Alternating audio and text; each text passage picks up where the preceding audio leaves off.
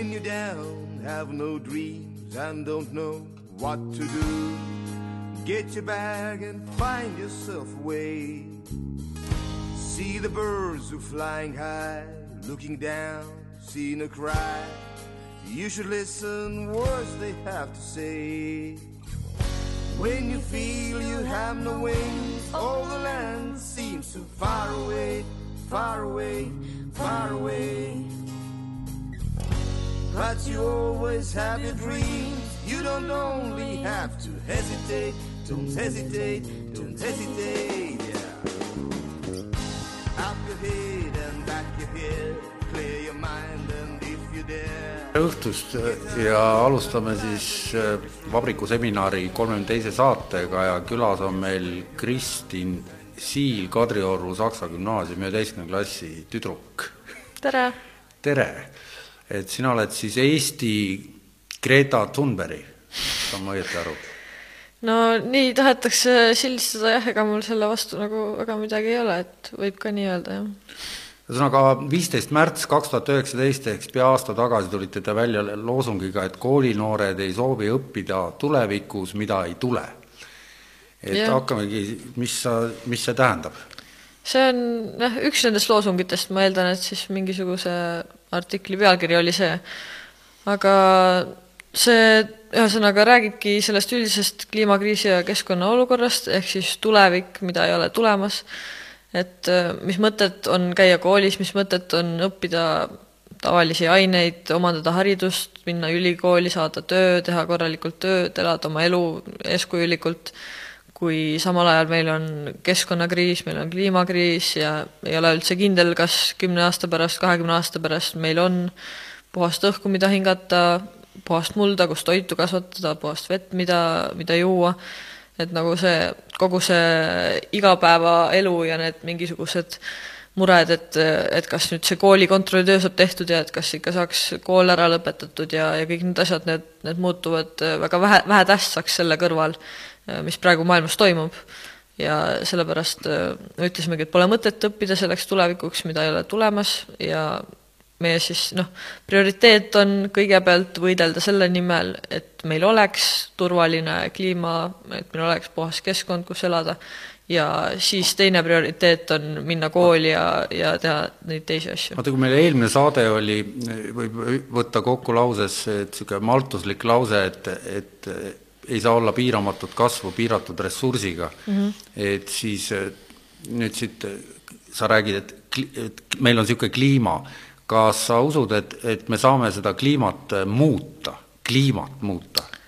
jah, kindlasti, sest et meie kui inimesed oleme seda juba teinud. et noh, ma ei hakka siin sügavatesse teaduslikesse tõestusesse minema, aga see ei ole tegelikult üldse keeruline, et kui vaadatakse neid graafikuid, kus meil on näha temperatuuri kasv ja meil on näha CO2 sisalduse kasv, ehk siis äh, alates sellest, kui me tööstusrevolutsiooni ajal hakkasime kasutama fossiilseid kütuseid, inimesed hakkasid siis neid välja võtma, inimesed hakkasid neid põletama ja need, see CO2 põhjustab siis kasvuhooneefekti, mis põhjustab kliima soojenemist, siis jah, inimene suudab küll kliimat muuta oma tegevuse läbi. nojah, seda on eh, tõesti ilmselt eh, ei ole mõtet vaielda, et inimene suudab seda halvemuse poole, kui ta risustab enda ümber kõike, nagu ta teeb, aga et kas seda suudab inimene ka paremuse poole, selles mõttes, et ütleme, ma saan aru niiviisi, et, et et see suund on sinna, et, et vähem risustada, ehk siis hoida olemasolevat, aga kas paremuse poole kliimat muuta, et see oli tegelikult mu küsimuse mõte, mitte et et kas üldse mõjutada saab? nojah, et kas, kas, kas on võimalik niimoodi midagi kokku leppida, et nüüd hakata, mis on selle teie liikumise, mis on siis mis on siis Friday Fridays for Future või siis äh, lihtsalt kliimastreigid. Kliimastreigid, sina oledki kliimastreikide Eestis nii-öelda algataja yeah., et, et, et te nüüd ei lähe kooli reedeti, streigite ja mis on siis see plaan, mida te üritate siis, et või tahate, et jõuaks nii-öelda meie põlvkonnale, kes on siis viiekümnes, ma kujutan ette, need teie õpetajad seal koolis, kes karjuvad, et tulge tundi ja mm -hmm. et, et mi-, mi-, mis see, hakkame sealt kerima, et mis see sõnum on, et et mida need meiesugused siis peaksid nüüd tegema? no ma tuleks äh, ikkagi sinna juurde tagasi, et, et kas on võimalik üldse kliimat paremuse poole muuta, et, äh, et see, kas on võimalik või ei ole, seda, selle all on võib-olla erinevad teadlased erineval seisukohal, et ühed ütlevad, meil on juba kõik pekkis, meil ei ole enam võimalik seda tagasi pöörata, meil on igal juhul suur katastroof ootamas, aga igal juhul on seda vaja teha kas see siis on võimalik või ei ole, aga me peame tegema endast absoluutse maksimumi, et seda teha, sest et muidu ootab meid katastroof, tagajärjed ja kõik see. Okay.. aga mis meie nii-öelda sõnum on, noh, esiteks lõpetada ära see, mis on põhjustanud selle halva olukorra, ehk siis lõpetada nende fossiilkütuste kasutamine. Ja et see võimalik oleks, siis meil on vaja kasutada teisi energiaallikaid ja meil on vaja vähem tarbida. ja mis nüüd, mis see sõnum võiks olla, noh, ütleme nii, et seda olukorda kõige kiiremini saavad muuta ikkagi poliitikud, sest et äh, nemad saavad teha otsusi, mis, mis muudavad äh, terve riigi käitumist, et ütleme, kui poliitik otsustab, et nüüd Eesti enam põlevkivist äh, midagi ei, energiat ei saa, me paneme tuulikud püsti, me kasutame taastuvenergiat, siis terve Eesti ongi kohe taastuvenergial üle läinud. aga mida, mida keskmine inimene teha saab, on lisaks sellele, et oma nüüd ütleme, tarbimisharjumusi muuta ja keskkonnasõbralik olla, siis saab teadvustada seda probleemi, uurida selle kohta, leida enda jaoks need põhjused üles, mõista seda ja kui see mõistmine on olemas, kui see teadlikkus on olemas, siis nõuda samamoodi neid muutusi, rääkida sellest, nõuda, et need muutused toimuksid poliitikas kiiremini, sest et tegelikult need on võimalikud, meil on need lahendused, aga lihtsalt mida ei ole, on poliitiline tahe, mida ei ole, on inimesed piisavalt palju inimesi, kes oleks valmis nendeks muutusteks ja kes nõuaksid neid muutusi. no me siin mitmes eelmises saates jõudsime siin erinevate inimestega ühe ja sama tulemuseni, et et igal juhul see ligi üheksakümne protsendine naftasõltuvus või fossiilkütuse täpsemalt siis mm -hmm. sõltuvus, mis tänasel päeval me, meil on, et see, see peab muutuma ja see on kuidagi, seda plaati on nüüd kedratud ja, ja, ja sellega on kõik ära harjunud vaikselt, et nii on et väljas on ikka praegu meil seitse kraadi sooja veebruari keskel ja, ja, ja, ja noh, eks ta on imelik küll mm. -hmm. aga veel kord, et et, et see kõik on justkui kõigile selge, et keegi, keegi ei vaidle ju vastu no et tegelikult mi... vaieldakse päris vastu selle, päris palju selle vastu, seepärast ma seda üle räägin, et tegelikult noh, tahaks loota, et see on täiesti sulaselge, aga veel ei ole selge. tähendab, ikkagi üritatakse siis mida selgeks teha, et põlevkivi on kasumlik tootmine ja äh,, ja et seda no, õli, põlevkiviõli tootmine on kasumlik no, näiteks, äh, ettevõtmine kon? konkreets-, jah, et konkreetne näide, ütleme, Keskkonnaministeeriumi hoonel justkui viimati käisin, siis nägin plakati, plakatit stendi seal, kus räägiti, et oluline on põlevkivi väärindada, ehk siis äh, teha põlevkiviõli ja vähem CO2 ja, ja rohkem äh, energiat, aga see ei ole lahendus, vaid lahendus on selle tegevuse lõpetamine ja selleks, et me saaksime selle noh, nii-öelda kliima soojenemise ühel hetkel ka paremuse poole pöörata, et ta hakkaks ühel hetkel siis äh, jahenema või et me, et me piiraksime seda piisavalt, siis me peaksime veel äh, muutuma siis kliimanegatiivsed, ehk siis, ehk siis me ei me ei tooda neid äh, emissioone juurde, vaid me jõuame nulli ja me veel vähendame neid. et noh, kuidas seda teha, seal on jälle erinevad tehnoloogiad, väga lihtne tehnoloogia näiteks on puu, mis äh, seob süsinikku ja mis seega muudab see on selle... siis kasvav puu? see on siis kasvav mitte puu, jah. küttepuu? mitte noh, küttepuu, ütleme nii, et äh, puid äh, kasutatakse kütteks võib-olla natuke liiga vara, et neid äh, raiutakse tihti maha enne, kui nad võiksid veel kasvada edasi ja siduda veel rohkem süsinikku, aga no see on veel eraldi suur teema. ma mõtlengi, et äh, kuidas me nüüd suhtes sellega, mis maailmas toimub globaalselt, et, et märtsikuus sama, teil saab üks aasta nüüd, saab täis seda, eelmise aasta viisteist märts mm -hmm. oli mhm. teil esimene streik, esimene suur meeleavaldus, jah. jah, suur meeleavaldus ja, ja samal ajal vist nüüd esi-, märtsikuus võetakse ka Euroopas see Green Deal või kliimalepe nii-öelda seadusena vastu, et yeah. et mida see seadus siis nüüd inimesi kohustab tegema? Ma ei ole kindel, mida ta iga isiklikult nagu inimest kohustab tegele-, tegema ja kas ta üldse, noh, mul on jälle kahtlus, et sellest tuleb järjekordne selline lepe, mis, mis ei kohusta tegelikult kelle, kedagi midagi tegema, nagu oli Pariisi kliimalepe, et me räägime ilusaid räägime võib-olla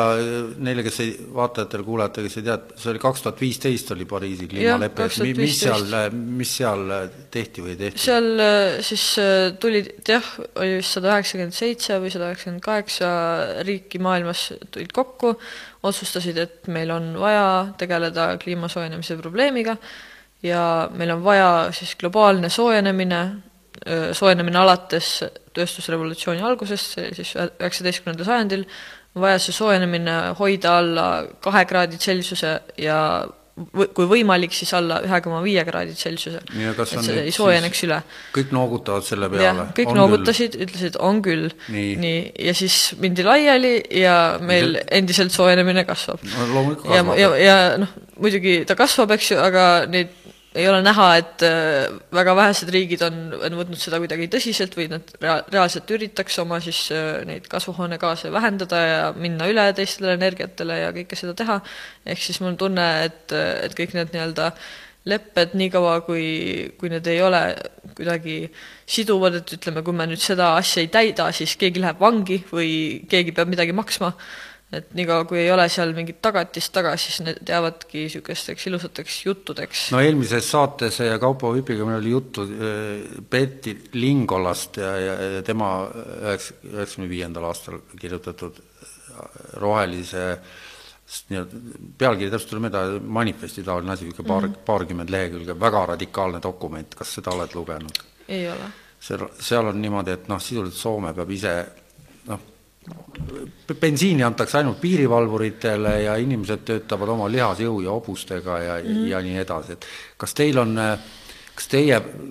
ütleme, noortel inimestel on nagu niisugune helgem tulevikupilt? no ma ütleks nii, et nagu noh, meie liikumises äh, on ka kindlasti erinevaid inimesi, et äh, ühelgi, ühelgi kahel äh, ütleme, inimesel ei ole sama vaadet, sama nagu täiesti samu, samu arvamusi ja kõike seda, et meil on oma nagu ühised eesmärgid ja jooned, näiteks meie peamine eesmärk äh, praegu, mida me tahame, et Eestis juhtuks, oleks see, et Eesti muutuks kliimaneutraalseks aastaks kaks tuhat kolmkümmend viis. no seda tahavad vist kõik ja, riigid on juba ütelnud, et, aga, et kõik tahavad, aga aga kuida-, kuidas seda saavutada ja. või nii, see on, see on erinev. ütleme, mina nagu isiklikult näen seda ja noh, see muidugi tuleb ka igalt poolt, äh, ütleme, loogiliselt mõeldes ka välja, et selle probleemi nagu algpõhjus on ületarbimine ja, ja samamoodi ka ebaõiglus riikide vahel, sotsiaalne ebaõiglus, ehk siis äh, mis ma näen, on nagu äh, ainus nii-öelda võimalik tulevikustsenaarium on üsna sarnane sellele võib-olla, mis seal manifestis on, ma ei tea, ei, see oli väga on. hull manifest on see, ütleme nii, ma pärast jaa, jaa, et ma ise ka nagu loen neid erinevaid äh, tekste ja arvamusi ja siis kõigun seal nagu väga, väga masendava tuleviku ja natuke vähem masendava tuleviku vahel, et noh, ütleme, ühed pigem nagu pooldavad seda või räägivad sellest, et, et meil on olemas ikkagi tehnoloogiat ja et me suudame ennast välja leiutada sellest probleemist ja, ja leiame mingid imelised tehnoloogiad, mis võimaldavad meil mitte millestki energiat toota ja elada sama mugavalt ja mõnusalt edasi. kas sellised tehnoloogiad, mis sa, see on vist usu küsimus, et kas äh, vaba energia eksisteerib või mitte? ma ei, ma ei tea, ma see läheb sinna ufod, ufode, ufode ja antigravitatsioonimootorite sellesse valdkonda. et noh, ongi see noh, see on nagu niisugune võib-olla pime usk tehnoloogiasse, aga samas kunagi ei usutud ka, et inimene võiks lennata, eks ju, et, et mingi protsent see tõenäosus võib-olla olemas on, et et midagi on tulemas ja, ja on nagu hea nagu loota selle peale ja uskuda sellesse, aga äh, mis mina näen, et on reaalsem, on see, et äh, me peame oma tarbimises tagasi tõmbama peame... Ku,. kuidas sa inimestele ütled, et, et see oli meil ka eelmises saates põhiline küsimus, et ja et kuidas inimestele öelda, et hakake nüüd elama halvemini, vabatahtlikult. jaa, ja tegelikult äh, valitsused kestavad neli aastat, nemad lükkavad kõik eelmist ja järgmist, kuidagi ma ei, noh, käib see asi kuidagi niimoodi, et keegi teine on kuskil, kes ja. peab, vastutab või on süüdi või juba tegi ära. et, et mis on see, mida täna ütleme, mis on see sõnum minuvanustele siis vaatajatele, kuulajad, mida, mida meie saame teha? Peale prügi sorteerimise. ma jah, lisaks sellele, et, et see, et, et, et me peaksime ütlema inimesele, et ta peaks elama halvemini, ma ei ole sellega nõus, sest et ütleme, ma näen seda nagu see, pigem sellise kogukondliku elamisena, et meie nagu asulad oleks rohkem hajutatud, et meil ei oleks äh, suur lin-, linnastuid, et me et maale et jah, et me ela, elaksime, et me elaksime maalähedasemalt, et me kasvataksime tähendab siis, et koliksime linnast maale? Põhimõtteliselt, äh, et me kasvataksime oma toitu rohkem, et me ei oleks sõltuvad äh, suurtoodangust, mis on nagu, hävitab elurikkust ja, ja keskkonda ja kõike seda, et me kasvatame oma maal oma toitu, me tarbime kohalikult ja, ja sellega kaasneb, see ei, see ei pea tähendama halvemini elamist, et ütleme, kui me elame linnas, kui me elame äh, selles nagu linna kiires elus ja meil on igal pool ümber tehnoloogia ja kõik see, siis äh, see, ma pakun, et see, et miks äh, ütleme, vaimse tervisega inimestel palju probleeme on, mis on nagu tänapäeva praeguse ühiskonna üks, üks suurimaid probleeme, on, on seotud ka sellega, et me ei ole enam nii looduslähedased ehk siis noh, samamoodi ka me teame ju uuringutest, et, et mets, metsas käimine mõjub meile hästi ja et, et õues tegevuste tegemine, aiamaal kartuli panemine ja kõik see, see on meie oma tervisele ka hea ja see on meile vaimsele ja füüsilisele no seda, seda, seda kõike ju kõik justkui jällegi teavad mm. -hmm. et, et, et kuidas see jaotub, et on olemas sellised inimesed, kes noogutavad, on nõus ja teevad seda, nagu nad ikka teevad, edasi. kui, kui, aga kui palju on neid, kes kuulavad, mis sa räägid, ja siis muudavadki oma igapäevast käitumist ja kas sul on üldse ülevaade, et kas see üldse toimub, see selline asi? mul kindlasti ei ole sellest ülevaadet, et, et kui palju see, mida ma räägin, kedagi mõjutas või ei mõjutanud, et äh, enamasti on see nagu protsess, et inimesed jõuaksid oma peas, peas selleni, et okei okay,, et võib-olla ma peakski nagu vähem, vähem tarbima, et see noh, see on meil nagunii nagu ajudes sees, et alati on vaja rohkem kasvada, majandus peab kasvama, rohkem palka peab saama, asju peab juurde ostma, kõike peab rohkem olema. Et see nagu kohale jõuaks, see on nagu omaette protsess ja ma ei usu, et, et ühe inimese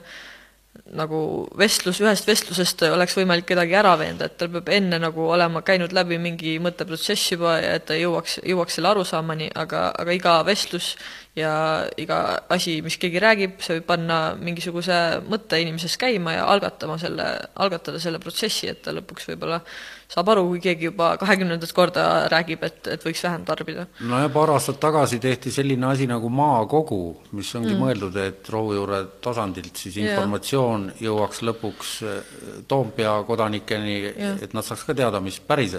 elus toimub. ja, ja, ja nemad teevad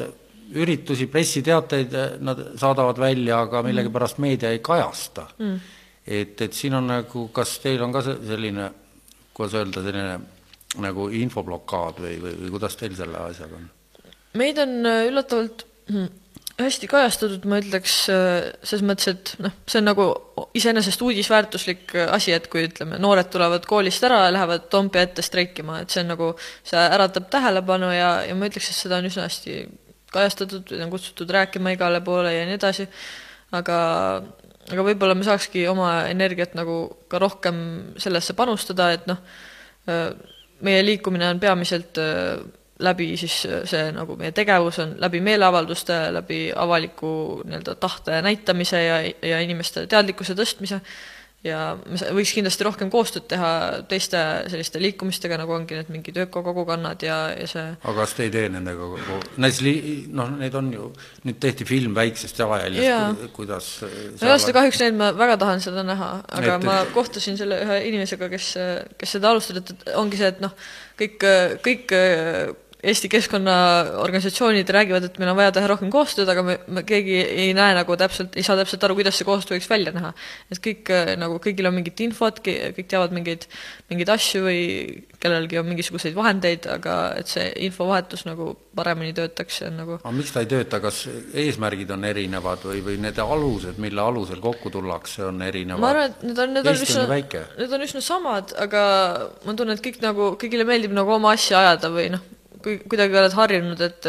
et omaette punnitada ja, ja leida, et kui sul on vaja midagi teada, siis sa otsid selle info ise üles, mitte et sa ei, ei küsi kelleltki, et ma ei tea, ma ei tea, ma ei tea, kuidas paremini teha. ma mõtlen, et kui see Greta Thunbergi teema üles kerkis, millal see täpselt oli? kui ta no,, esi... räägigi lühidalt neile, kes, ilmselgelt on neid inimesi, kes vaatavad, kes ei tea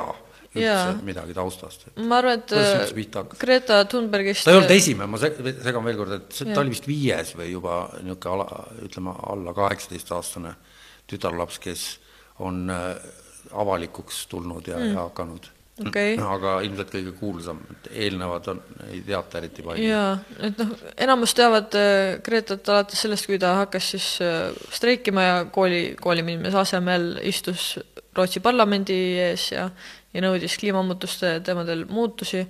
aga see algas tegelikult äh, siis tema selline võib-olla äh, see streikimise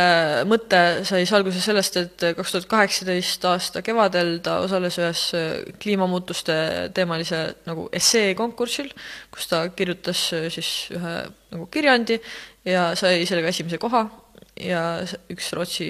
Rootsi ajaleht siis korraldas seda ja läbi selle temaga võttis ühendust üks selline nagu inimeste kogum põhimõtteliselt või, või organisatsioon, ma ei tea, kuidas seda öelda, aga ühesõnaga mingid inimesed, kes tahtsid midagi kliimamuutuste teemal ära teha. ja, ja siis, siis. seal, seal olid enamasti noored inimesed jah. ja siis äh, tuldi kokku ja siis äh, keegi pakkus välja, see nimi oli vist ka kuskil Vikipeedias olemas, see Gretale, et võiks teha näiteks midagi koolistreikide laadset, et see oli niisugune noh, väga üldine nagu mõte, et ma ei tea, et õpilased teevad võib-olla midagi kooli, koolides, koolis sees näiteks koridoris või midagi, ja siis Gretale nagu see mõte ses mõttes meeldis, et, et ta oli nagu enne, enne seda juba kaks aastat umbes või nii, noh, see on tema ütleme, Vikipeedia lehel kirjas, et ma ei tea, kui täpne või, või mitte täpne see on, aga ühesõnaga ta oli selles teemas nagu varem sees ja oli jõudnud nendele järeldustele, nägi, et kui kui jamasti kõik juba on ja oli noh, kui vana ta oli? üsna meeleheitel. Äh, ta oli viisteist, kui ta alustas, ehk siis äh, alates kolmeteistaastasest umbes äh, oli siis keskkonnateemast, üritas oma peret saada keskkonnateemadest rohkem mõtlema ja prügi sorteerima ja aga kust ja... ta selle mõtte endal selles vanuses pähe võttis? ma, ma ei oska öelda, kust ta see esimest korda pähe võttis, noh, internetis on igal pool infot, koolis räägitakse keskkonnast, kliimast, et ju siis, ju siis see kuskilt tuli ja, ja üritas siis oma vanematele ka sellest rääkida ja seletada, näitas graafikuid ja üritas, üritas äh, seda sõnumit kohale viia, kui kriitiline olukord on, aga keegi nagu ei võtnud seda tõsiselt ja siis ta oli nagu üsna meeleheites ja kui ta, tuli see streikide mõte, siis ta oli rääkinud ka teiste noortega, et kuulge, et teeks midagi sellist, aga keegi ei võtnud nagu vedu. ja, ja siis ta augustikuus siis otsustaski, et okei okay,, ta läheb siis üksi ja siis tegi plakati, koolistreik oli seal vist kirjas rootsi keeles ja istus kaks nädalat enne siis Rootsi parlamendivalimisi järjest iga päev koolipäeva ajal seal parlamendi ees pani ja pop, tegi poppi koolis. tegi poppi ja jagas flaiereid, kus oli info selle kohta, miks kliima muutub, mis tagajärjed on, kõik see, et ja pärast seda kahte nädalat siis, kui oli noh, olid valimised ära olnud, siis ta andis oma Instagrami lehel teada, et ta hakkab iga reede seda tegema ja kasutas siis seda hashtag'i Fridays for Future ja sealt äh, põhimõtteliselt hakkas kogu liikumine, kus sotsiaalmeedia kaudu said teised äh, riigid ja inimesed sellest teada ja hakkasid neid gruppe looma. aga tal on, äh, sellel jutul on ikkagi mingisugune tõepõhi peab ju all olema, et tal on mingid telgitagused täiskasvanud, mitte niiditõmbajad, aga mingid abijõud või, või ta no, tõesti ei no muidugi nagu kõik, kõigi, kõigil on ju abijõud ses mõttes, et äh, tal on vanemad kodus, äh, tal on sõbrad ümber, tal on aga vanemad on äh, kahel käel toetavad ja ja kusjuures see oligi see, et, et see aeg, kus ta nagu üritas nüüd veed, veenda ja seletas neile, siis noh, muidugi inimesel läheb aega, et, et sellega nii-öelda kohaneda, neil läks aega, et, et neid keskkonnasõbralikke harjumusi üle võtta, aga lõpuks ta jõudis selleni, et ta ema on ooperilaulja ja siis ta ema otsustas ka mitte lennata ja ei saanud enam oma oop-, ooperit laulmas käia üle maailma, vaid oota, mitte kons... lennata tähendab, et lennukiga lendamine Len on mitte, hästi kahjulik ja jah, lennukiga lendamine on hästi kahjulik keskkonnale ja äh, põhjustab hästi palju kasvuhoonegaase ja siis äh, ema annab nüüd siis ainult äh, siin, seal kontserte, kus ta rongiga saab minna või bussiga saab minna. Et, et ta vanemad nüüd jah, üsnagi toetavad teda, on näha, sest nad käivad tema, temaga kaasas ja isa käis tal kaasas ka, kui ta, kui ta reisis Ameerikasse purjekaga ja, ja kõik nii. Aga see, et noh, tal on, tal on, ma tean, et teadlastest nagu grupp on toetusgrupp, kes vaatab ta kõnesid üle Äh, kontrollib, et, et kõik oleks tead-, teaduspõhine ja selline, aga nii palju, kui mina teda tunnen ja, ja sellest äh, ma ei näe seal nagu äh, see, selles kriitikas, et, et keegi teda niite tõmbab või, või ta selle eest raha saab või midagi sellist, ma ei näe seal midagi rohkemat kui lihtsalt see, et teda üritatakse mustat-, mustata, sest et tema vaated ei sobi kellelegi. no see on siis umbes see, et naftafirmad tahaks ikkagi edasi oma fossiile kütuseäri ajada ja, ja, ja tema muidugi. on nagu risti jalus jah, või noh, või lihtsalt on nagu ebamugav, ega kui ma esimest korda temast kuulsin, siis ma olin ka nagu, et, et nagu mis asja nagu, kes sa oled või, või või mis, mis jama sa ajad. ma nägin Youtube'is mingist, mingit videot äh, selle streigi kohta ja siis ma jõudsin Greta mingi kõneni, kus ta oli, TED Talk oli vist Stockholmis. Ja siis alguses kuul-, kuulasin ka nagu üsna umbusklikult või noh, nagu umbes, et aa, et ta tahab lihtsalt tähelepanu või midagi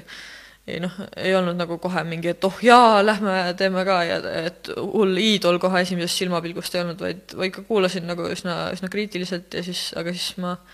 hakkasin nagu kuulama neid, neid fakte, mis ta rääkis ja keskenduma nagu rohkem sellele sõnumile, mis ta tõi, mitte sellele, kes ta ise on. ja siis ma sain nagu aru, et see sõnum on nagu täiesti peab paika ja peab ka tegelema hakkama. ja, ja kuidas see siis äh, algus siin sul aasta tagasi välja nägi, et oli jaa, see oli vist äh, veebruaris oligi, kui ma nägin esimest korda neid äh, streike, et kaks tuhat kaheksateist see nagu suvel, suvel algas ja hakkas mujal maailmas ka toimuma, Saksamaal, mis need esimesed riigid olid, aga Eesti meedia minu teada seda ei kajastanud, et, et kuskil mujal need äh, asjad olid, et ma üsna juhuslikult nagu sotsiaalmeedias juhtusin. Selle vist Berliinis toimunud kliimastreigi video peale ja siis vaatasin seda ja mõtlesin, et, et et mis värk on, et miks õpilased koolis ei ole ja, ja hakkasin uurima, et, et et mis siis seal nagu tagamaad on ja hea, et ma uurisin, mitte ei, lihtsalt ei vaadanud ja mõelnud, et ah, teevad popi. ja siis äh, jõudsingi nende kõnedeni ja, ja sealt läbi nende erinevate teadusraportiteni ja siis sain aru, et Eestis on ka probleemid, on ju. aga kuidas sellesse, siin on ikka, tekib paratamatult minu, minusugusel vanusel inimesel selline mõte, et et, et kuradi hea ettekääne on ju popi teha e, e, selle egiidi all, et, et mis sa arvad, mis see, mis nende, ütleme, kui teil oli see päris suu-, palju seal rahvast oli, viisteist märts eelmine aasta? mingi kaheksasada oli Tallinnas kokku, üle Eesti mingi üle, üle tuhande, jah, kokku ja. mingi tuhat viissada üle Eesti. et kui palju sellest oli neid, kellele meeldis lihtsalt popi teha ja kui palju oli, seda ilmselt puuduvad andmed? ma ei äh, oska öelda, selles mõttes, et äh, kindlasti ei olnud seal kõik täielikult teadlikud kõigest, aga ma ütleks selle kohta seda, et äh, esiteks need, kes sinna tulid, said ma arvan, kindlasti teadlikumaks, sest et läbi nende kõnede, mis me seal rääkisime, loodetavasti kuulasid, või kes ei kuulanud, aga nagu selle, selle argumendiga minna, et ah, enamus teevad ju niikuinii poppi, siis nagu kui keegi tahab poppi teha, siis ta teeb poppi igal juhul. aga kuidas reaktsioonid mis... olid õpetajate poolt, esimesed noh, minul oli seal ütleme, selle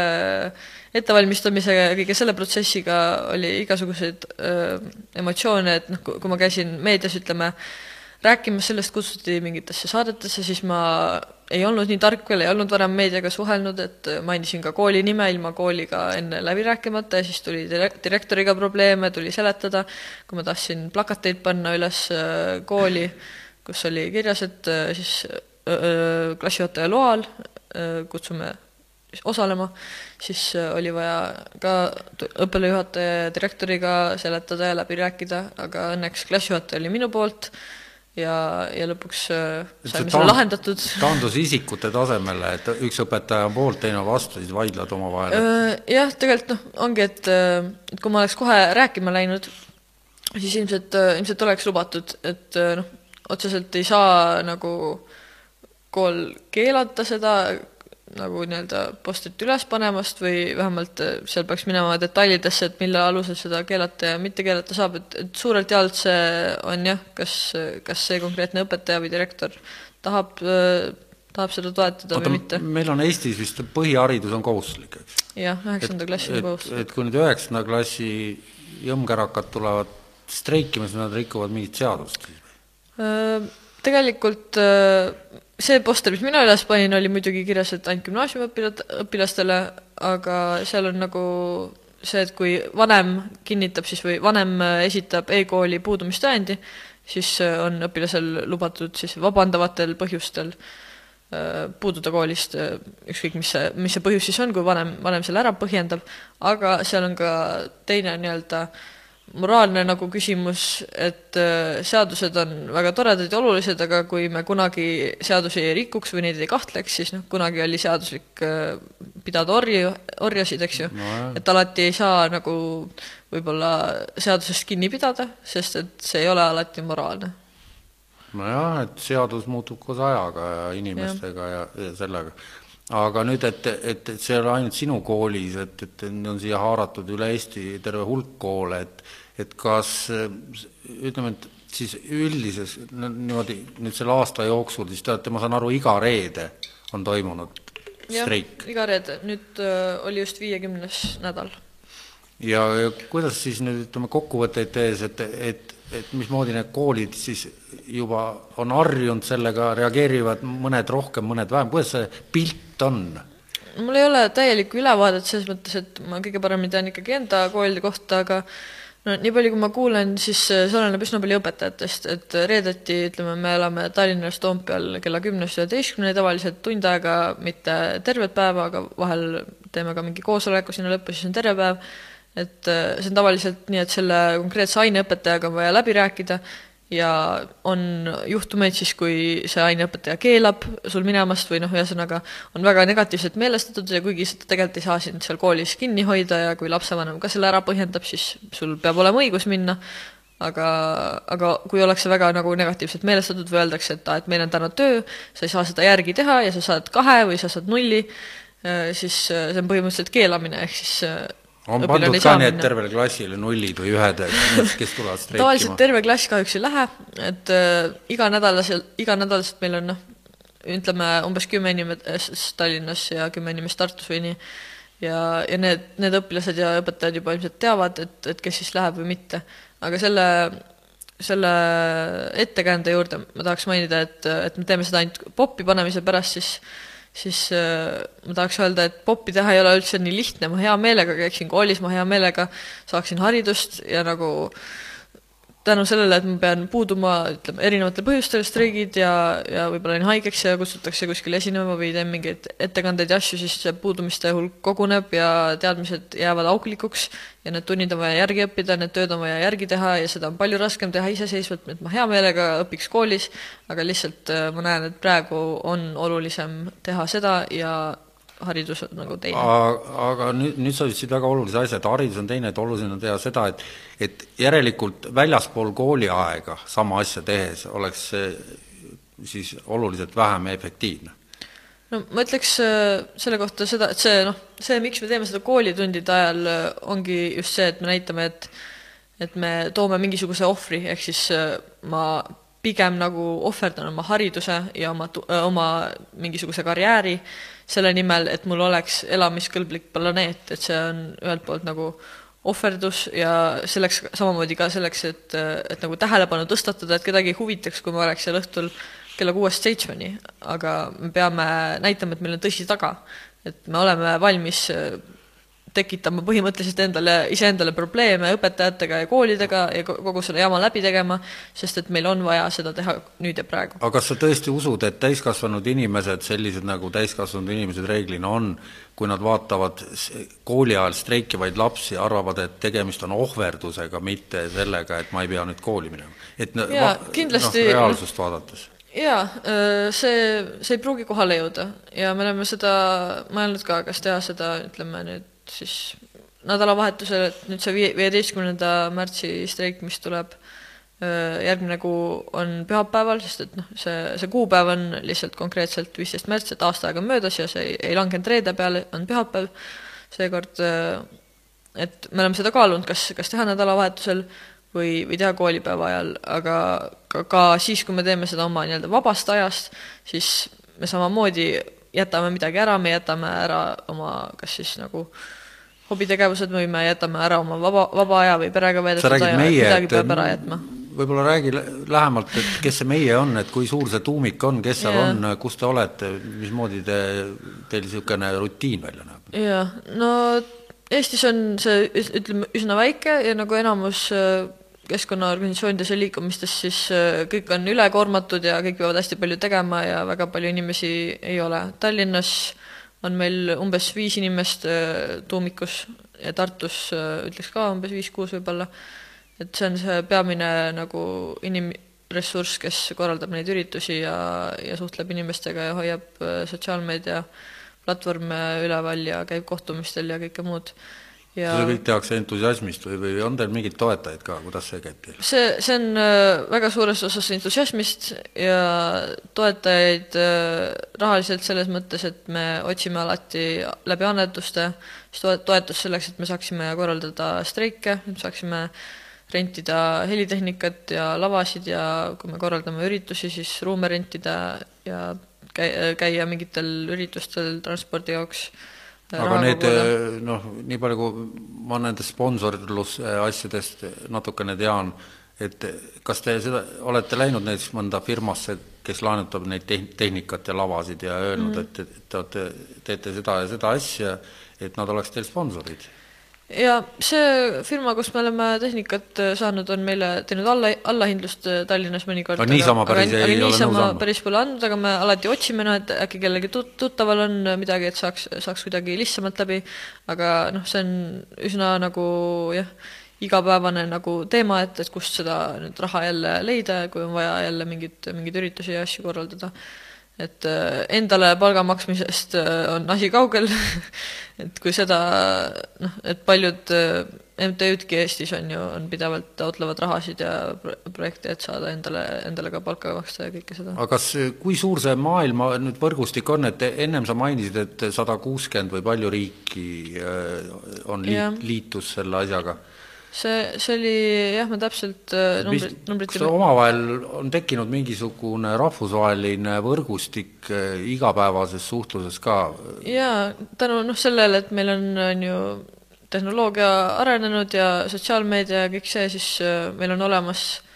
siis suhtluskanalid, kus me saame arutada. Mis need on põhiliselt, kus te olete, kus inimesed teid üles leiavad? see on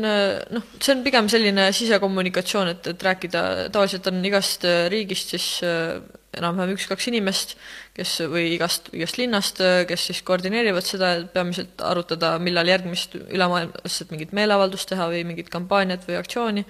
aga me, meil on erinevaid mingisuguseid chatte ja lehekülgi Slackis ja Telegramis ja Whatsappis ja aga mida te teete väljaspool streikimist, et streikimine on niisugune ikka miinusmärgiga asi, et me nüüd kooli ei lähe, me nüüd siis istume siin platsi peal, ütleme, et, et tuleb hakata nüüd äh, minema tuulikute ja, ja hüdro ja, ja, ja päikseenergia peale üle, noh, kõik mm -hmm. noogutavad jälle päid, et noh, et aga millal, no minge kooli ja, ja noh, et mis veel toimub? Jaa, me vastupidiselt äh, üldisele arvamusele teeme rohkem kui ainult streikimine, näiteks viimasel ajal Tallinnas oleme käinud mitmetes koolides ettekandeid tegemas, et kas koolid ise kutsuvad teid? on olnud erinevaid äh, juhtumeid, on, on meid kutsutud ja oleme ise ka kirjutanud, et kas te soovite külalistundi äh, näiteks vastu võtta ja on mujal ka mingeid töötuba tehtud, et see ongi siis, et jõuda nende noorteni, keda, keda see kõige rohkem puudutab, kelle tulevik see ikkagi on, et nad Äh, saaksid teada nendest kliimamuutuste põhjustest, tagajärgedest ja mida nad teha saavad ja kõike sellest, et sellest oleme siis käinud ettekandeid tegemas ja rääkimas, samamoodi filmiõhtuid teinud, äh, erinevaid muid aktsioone, nagu mingeid prügikoristusi ja asju, mis on Need teeme ära asjadest võtate jaa, teeme, teeme ärast võtsime osa ja noh, see, see, need on sellised äh, pigem nagu noh, metsa oleme istutamas käinud, et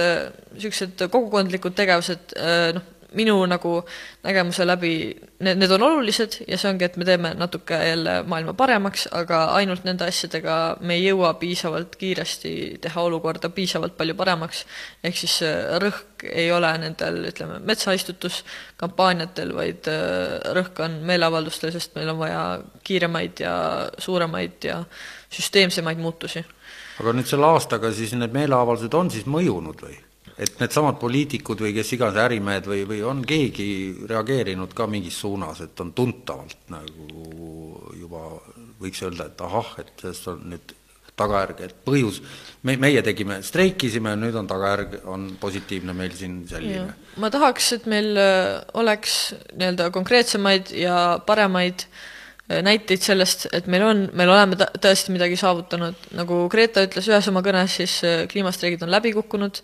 ei ole mitte midagi saavutanud, sest et emissioonid äh, endiselt tõusevad, me ei ole endiselt äh, neid langetamas, ehk siis üldises plaanis me ei ole oma eesmärki saavutanud. aga mida me oleme saavutanud ja mida meile on äh, räägitud ja inimesed, kes meie tegevust kiidavad ja, ja kaasa aitavad, Äh, ütlevad äh, just peamiselt seda, et äh, ühiskondlik diskussioon on tõusnud sellel teemal, sellest ja, räägitakse. juttu on palju. ja juttu on palju ja noh, igasuguseid teemanädalaid ja mingisuguseid auhindu on antud ja kõike seda ja, ja poliitikutega oleme kohtumas käinud ja, ja rääkimas mis käinud. poliitikud, ma vaatasin seda Greta ÜRO kõnet, kõik seisid püsti ja plaksutasid käsi ja, ja kõik oli väga tore ja vahva kas meie omad ka kuidagi selle peale reageerisid jah, ma ütleks, et noh, enamasti, no me kohtusime presidendi ja peaministriga ja mina kohtusin keskkonnaministriga, kui Siim Kiisler oli veel keskkonnaminister, ja Tallinna linnavolikogu esimehega kohtusid osad, et noh, enamasti on nagu see ongi, et noogutatakse kaasa, tubli,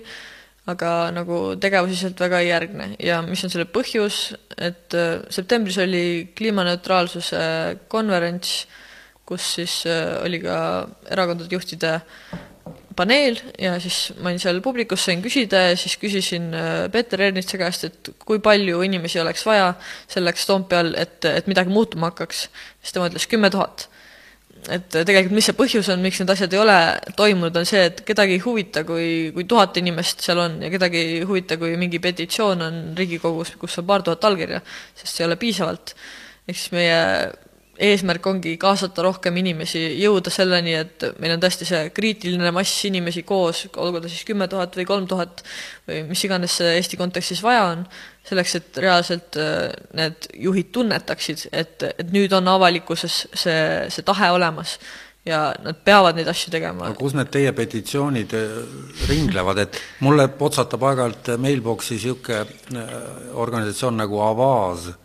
on niisugune ülemaailmne petitsioonide siis tegemise mm -hmm. ühesõnaga, ma ei teagi, kuidas seda nüüd nimetada, ühesõnaga mingi keskkond, mingi jah, et kust tule-, see on miljonites, kümnetes miljonites mm -hmm. neid allkirju korjatakse üle maailma, küll on seal maailma otsas midagi häda ja siis on teises ja ja no võrdlemisi nad ise väidavad, et et nad korjavad ka raha ja et neil on nagu, et tulemused on ette näidata, et ikkagi kuulatakse kuni kümneid miljoneid allkirju, nüüd kui me tuleme Eestisse, väiksele, noh, väiksesse Eestisse, nüüd teie tegelete, et kas teie teil on oma mingisugune inim-, nende inimeste hulgas, mis on siis viis-kuus inimest siin Tallinnas mm., kas keegi tegeleb kogu aeg nende allkirjade kogumise, petitsioonide koostamise, noh, mingite niisuguste no, asjadega? reaalsus on see, et äh, need viis-kuus inimest, kes meil on, on enamjaolt äh, gümnaasiumiõpilased, sa lähed kell kaheksa kooli, sa tuled umbes kell neli koju siis sa teed tund aega kodutöid, siis sa lähed trenni, siis on äh, kuskil kell seitse õhtul, siis sa käid veel kuskil ja sul on äh, õhtul umbes tund aega aega, et midagi teha, ja siis sa oled nii surnud ja nii väsinud ja tegeled selle ürituse korraldamisega, ehk siis seda energiat meil hetkel väga ei ole, aga meil on äh, teisi tuttavaid, ehk siis seal on võimalus koostöökoht teha. et kui oli kliimaneutraalsuse kaks tuhat kolmkümmend viis allkirjade kogumine, siis me kogusime neid ka oma streigil ja nüüd, äh, kui peaks seda petitsiooni kordama ja äh, nüüd, nüüd see läheb jälle Riigikokku arutlusele, et siis äh, me saame oma, oma tegevusega seda samamoodi toetada, aga selle ühiskondliku diskussiooni osas miks see, miks see nagu oluline on, ma tooks äh, näite selle karus, karusnahafarmide siis keelustamise kohta, et see samamoodi see protsess on olnud hästi pikk, et on olnud mitu arut-, arutelu Riigikogus ja, ja meeleavaldusi ja kõike seda ja nüüd tundub, et, et, et, et nagu üldsuselt on, on see nii-öelda jah-sõna olemas, kõik on nõus, kõik saavad aru ja on vaja see nagu asi ära teha, see on niikuinii surev majandusharu et, et see protsess nagu ongi pikk ja, ja kõik, kuskilt peab see asi algama, et inimesed räägivad sellest. no see jutt käib väga ammu, see, ma tean, Kadri Taperson Hiiumaal äh, loomakaitsega tegeleb, tema seda karusnaha juttu, ma olen näinud interneti avarduses ikka aastaid juba. jaa, ja see ongi, see võtab nii kaua aega, et asjad kohale jõuaks kahjuks. aga ma mõtlengi, et, et te olete nüüd noh, kooliõpilased, et et kui te nüüd trambite jalgadega varvastel, kas need vanamehed üldse ei võta nagu kuidas reaktsioon, mind ikka huvitab see, et mis see, mis see ideeline nii-öelda või ideoloogia on, et et kas te olete selle ära sõnastanud ka niimoodi, et seda saaks lühidalt ja selgelt noh, üks asi on see, et öelda, et, et kliimaga on nagu on mm, -hmm. aga just selle, see teine pool, et, et, et nüüd tuleb nii teha ja see, mis tuleb teha, ei ole ju väga meeldiv. jaa no selle ideoloogia sõnastamisel on, et äh, meie hiljuti, kui meil oli siis koosolek Tartus, siis me otsustasime, et meie praegune eesmärk on siis, et Eesti muutuks kliimaneutraalseks aastaks kaks tuhat kolmkümmend viis ja seal on siis erinevad alampunktid, mida me peame veel läbi mõtestama ja arutama, aga põhimõte on selles, et me saavutame seda läbi puh-, puhta energia ja me saavutame seda läbi ka tarbimise vähendamise ja põllumajanduse no, nagu ütleme. no kui Strandberg rääkis siin, et tuleb ehitada, noh, see oli küll globaalses plaanis tuhat viissada tuulikut, mitte viiskümmend nagu praegu mm -hmm. iga päev, järgmised kümme aastat jutti, et, et sealt nafta küljest ennast lahti aheldada, et et, et Eesti mõistes noh, see nüüd siia tuua, et et kas teil on ka mingisugused arvutused tehtud, et kui palju inimesi peaksid tegema seda või teist või kolmandat, sest tuleb ju ära lammutada see vana infrastruktuur yeah., ehitada sinna asemele uus, mis on siis keskkonnasõbralik, et kas, kas, kas ütleme siis te, teil kooli kõrvalt, kas te suhtlete nii-öelda vana teadlastega, palute neil teha mingisuguseid arvutusi enda eest või teete neid ise või kuidas, kuidas see pool välja näeb teil? me pigem noh, ütleme, liikumisena seda on ka arutatud ja mida me arutasime ka Euroopa kohtumisel, et, et kas meie kui noored peaksime pakkuma mingeid lahendusi, kas me, kui, kui detailseks me peaks minema või ei peaks minema, et äh, noh, üldine nagu seisukoht on see, et, et meie ülesanne ei ole tingimata neid lahendusi pakkuda, sest et need lahendused on teadlaste pakkuda ja need lahendused on olemas, näiteks äh, kas või Eestis on taastuvenergia koja äh, plaan siis äh, taastuvenergia sada, kuidas Eesti aastaks kaks tuhat kolmkümmend äh, muutuks siis süsinikuneutraalseks, et äh, need nagu arvutused on olemas ja need plaanid on olemas, aga me lihtsalt ei, mis? kes need taastuvenergia koda. taastuvenergia koda? jah, neil on selline, selline kava, et noh, need, need on olemas, aga me lihtsalt, me lihtsalt ei tee neid, meil lihtsalt ei ole seda tahet ja, ja see on see, kus nagu meie tuleme mängu, et kui meil on, kui meil on vaja mingit informatsiooni, siis me enamasti küsime äh, siis äh, tuttavatelt teadlastelt või ekspertidelt, äh, kes sellega rohkem kursis on, et kuida-, kuidas kiiremini see info kätte saada, et ei hakka ise kõiki pikki raporteid läbi lugema, muidugi, et, et meie nagu roll ongi see, et tuua teadlaste sõnumid kohale, sest äh, me ei ütle ju midagi uut. Greta ei ütle midagi uut, ta lihtsalt kordab neid äh, asju, mida teadlased on oma raportites rääkinud, et äh, meil on eksistentsiaalne kriis, me peame kogu oma süsteemi täielikult muutma ja et see sõnum jõuaks kiiremini kohale. nii et põhimõtteliselt sõnum, kas ma saan õieti aru, on see, et me, me ei lähe enne kooli korralikult, kui teie vanad inimesed ei hakka prügi sorteerima ja tuulikuid ehitama? Äh, prügi sorteerima, tuulikuid ehitama, äh, vähem tarbima. kuidas seda vähem tarbima, kuidas sa seda reaalses elus äh, kujutad, mida sa asemele pakud siis sellele mõistmist? see on hea küsimus, jah, et ma võin tuua ühe näite aktsioonist, mis me tegime jõuludel, jõulude kandis ühel reedel, kus siis oli tarbimiskultuuri vastane äh, Äh, põhimõtteliselt meeleavaldus äh, erinevate siis äh, ostukeskuste, supermarketite ees käisime plakatitega ja lugesime deklaratsiooni, ehk siis rääkisime sellest, et selle asemel, et jõuludel kingitusi teha, pakkuge hoopis lähedastele oma kvaliteet, kvaliteetaega, pakkuge oma armastust, lähedust, et noh, Läksid on- tänaval juurde sellise jutuga või? me jah, plakatid käes ja ruuporiga rääkisime inimestele, mööduvatele inimestele sellist juttu ja tegime laivülekande. ma ei tea, kui palju sellest külge jäi või külge ei jäänud, aga see oli, see oli see sõnum. et eh, noh,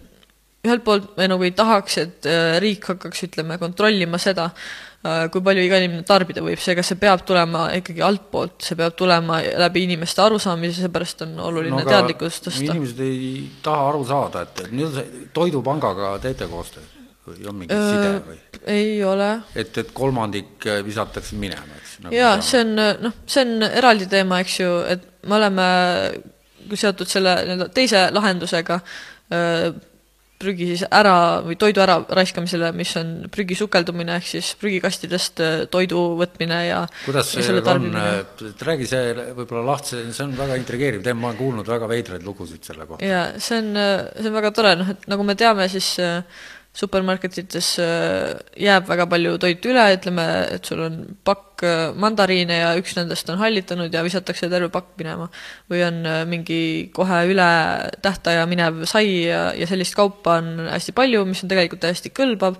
aga see visatakse minema, sest et uus ja parem tuleb peale ja on vaja, kogu aeg, kogu aeg tuleb äh, Nii nii-öelda odavat kraami juurde ja me ei väärtusta seda, mis on nii, seda küll, aga kus see, kus Ja see siis- informatsioon liigub, et kuhu, kus prügikastis see ja, parasjagu on? ja siis äh, prügikastis on igast toredat kraami ja siis on sellised äh, võrgustikud, ongi siis inimesed, kes kus need võrgustikud on? No seal, see, need on salajased võrgustikud. on salajased ega väga salajased äh, nad ei ole, et tavaliselt on mingisugused äh, chat'id kuskil Messengeris või et kuule, et selle poe taga on täna banaan, et jah, ja põhimõtteliselt ongi, et äh, Tartus töötab see eriti hästi, kus neil on siis ka mingisugused punktid, kus nad toitu jagavad ja kus jagatakse infot. jaa, just täpselt. Et, et noh, kuidas siis äh, nüüd on, et kas see politsei satub peale ka või toimub mingi see on, mina ei ole selles nii kogenud, aga nii palju, kui ma kuulnud olen, siis äh, enamasti ei, ei tule sellest mingisugust äh, suurt probleemi, kedagi vangi ei panda või, või üheks, võib-olla üheks ööks arestimajja pannakse,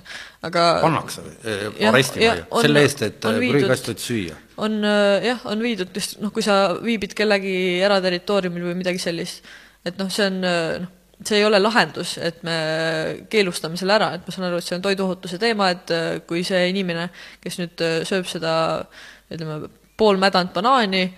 ja jääb sellest haigeks, siis on äh, see toidukauplus või see firma on vastutav selle eest, kui see inimene jääb haigeks, siis, siis peab talle oota, selle tagama. selle nüüd, kui mina lähen äh, siia kõrval asuva poe taha prügikastist, Jah. võtan mingisuguse asja, mis süüa kõlbab, pistan selle nahka, jään haigeks ja Jah. see keegi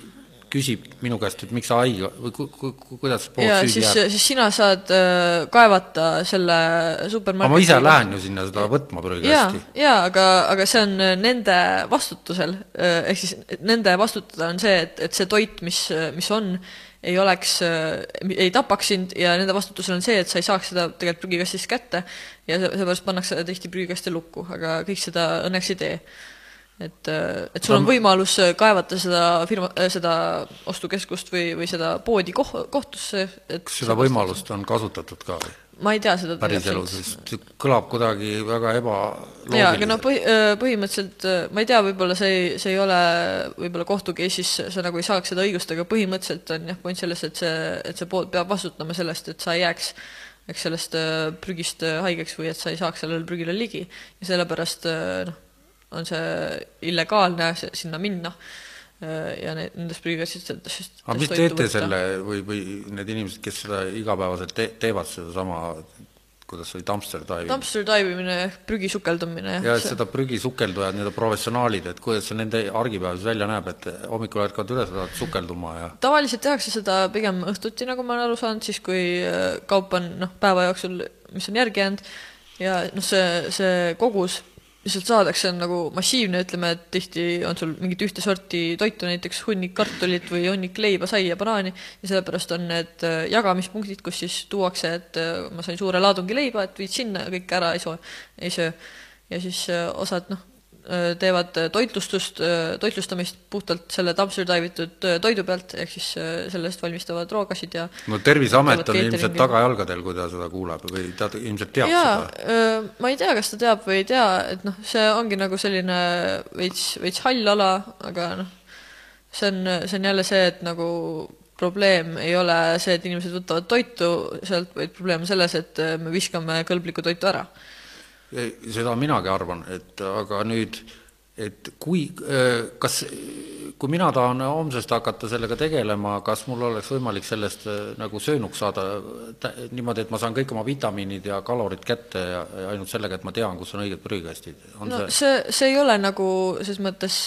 kindel alati, et sa ei, sa ei saa sealt, sa ei saa valida, no et sa lähed poodi ja siis sa valid, et okei okay,, mul on vaja C-vitamiini ja mul on vaja midagi, kus on kaltsiumi ja et sa ei saa kõike alati no, aga profid, profid sukeldujad, et kas siis neil ei ole juba kaardistatud? seda. Äh, pead küsima võib-olla mõne inimese, äh, teise inimese käest, kes saab siia täpsemalt sellest rääkima tulla, et ma ei tea, kas see võimalik on või mitte, aga kindlasti saab palju odavamalt läbi tänu sellele ja sa saad osta, ütleme, mingeid, mingeid asju, mis sul puudu jääb, sa lähed ikkagi ja, ja ostad, ütleme, võib-olla kuivaineid alati nii tihti ei saa, aga saab äh, värskeid puu- ja köögivilju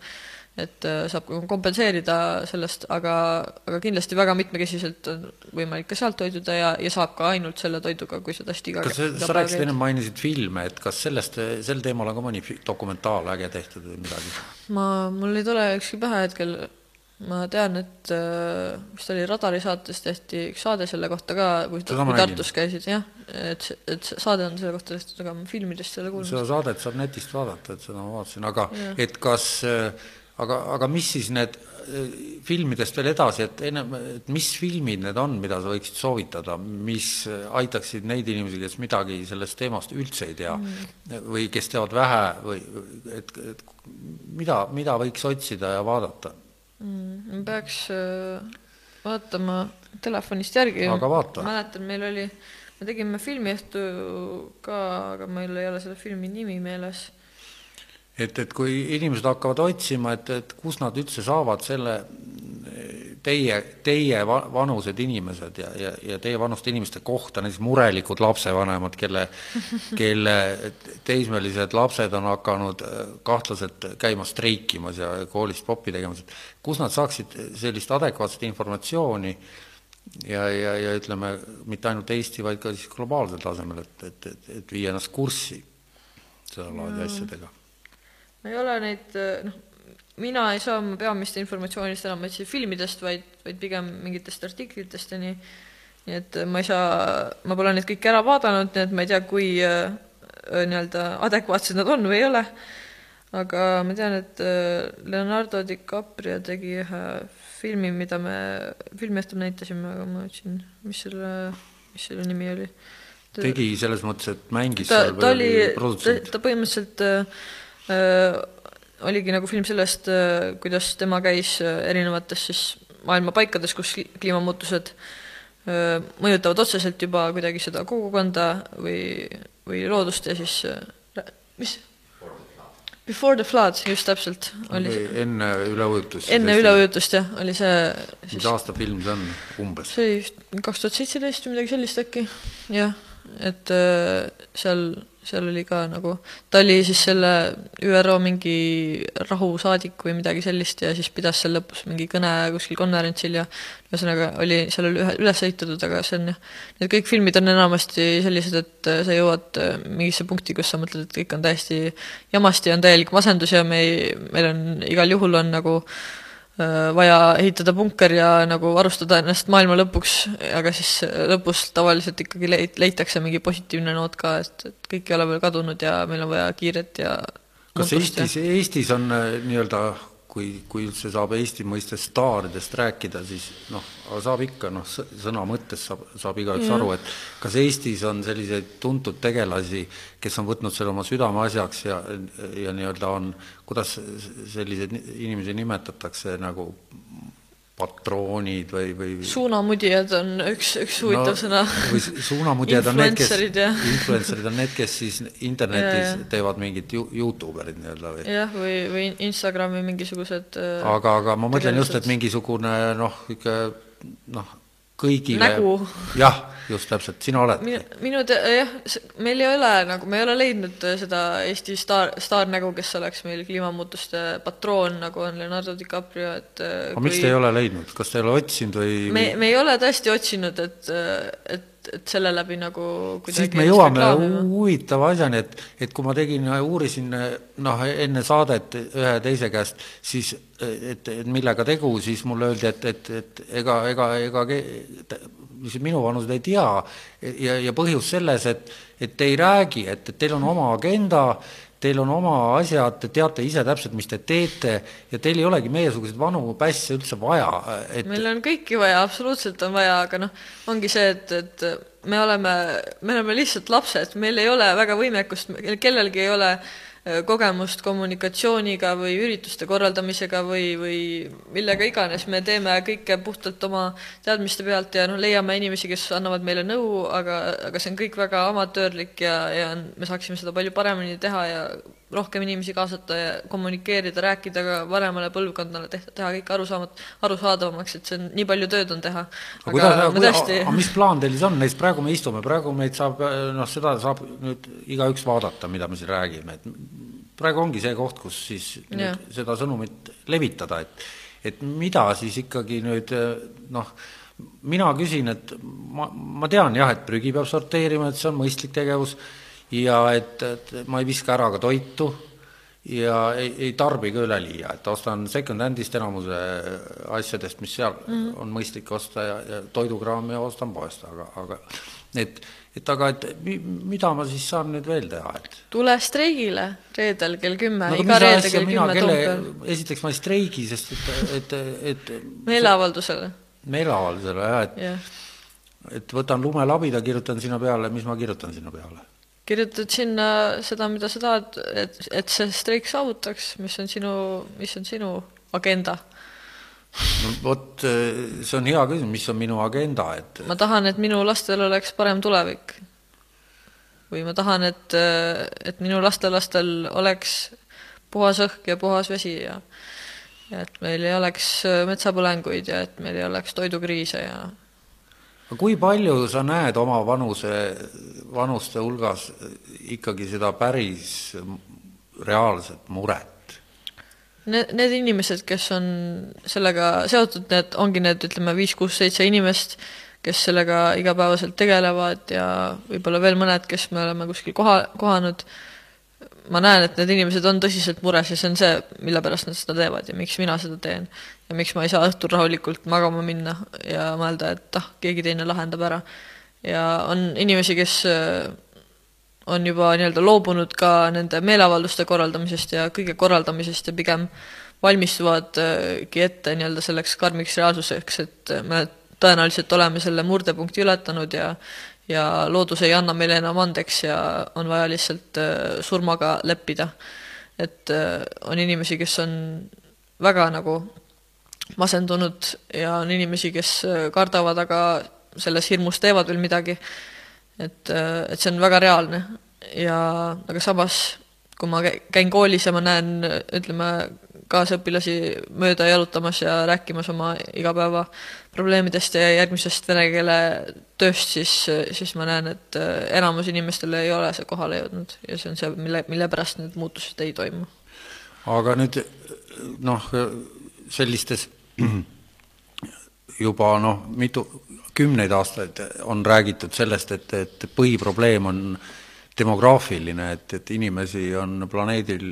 lihtsalt, lihtsalt liiga palju mm,. toore, toorelt öeldes kuus korda või seitse korda üle selle, mis mm -hmm. planeet ära suudab toota, kui nüüd naftatipp äh, läbi saab, et no selle kohta ma just nägin Instagramis äh, see on nüüd küll väga halb äh, nii-öelda allikas, sest et ma ei mäleta, kelle postitus see oli ja ma ei mäleta neid täpseid numbreid, aga ma olen üsna kindel, et see suures plaanis peab paika,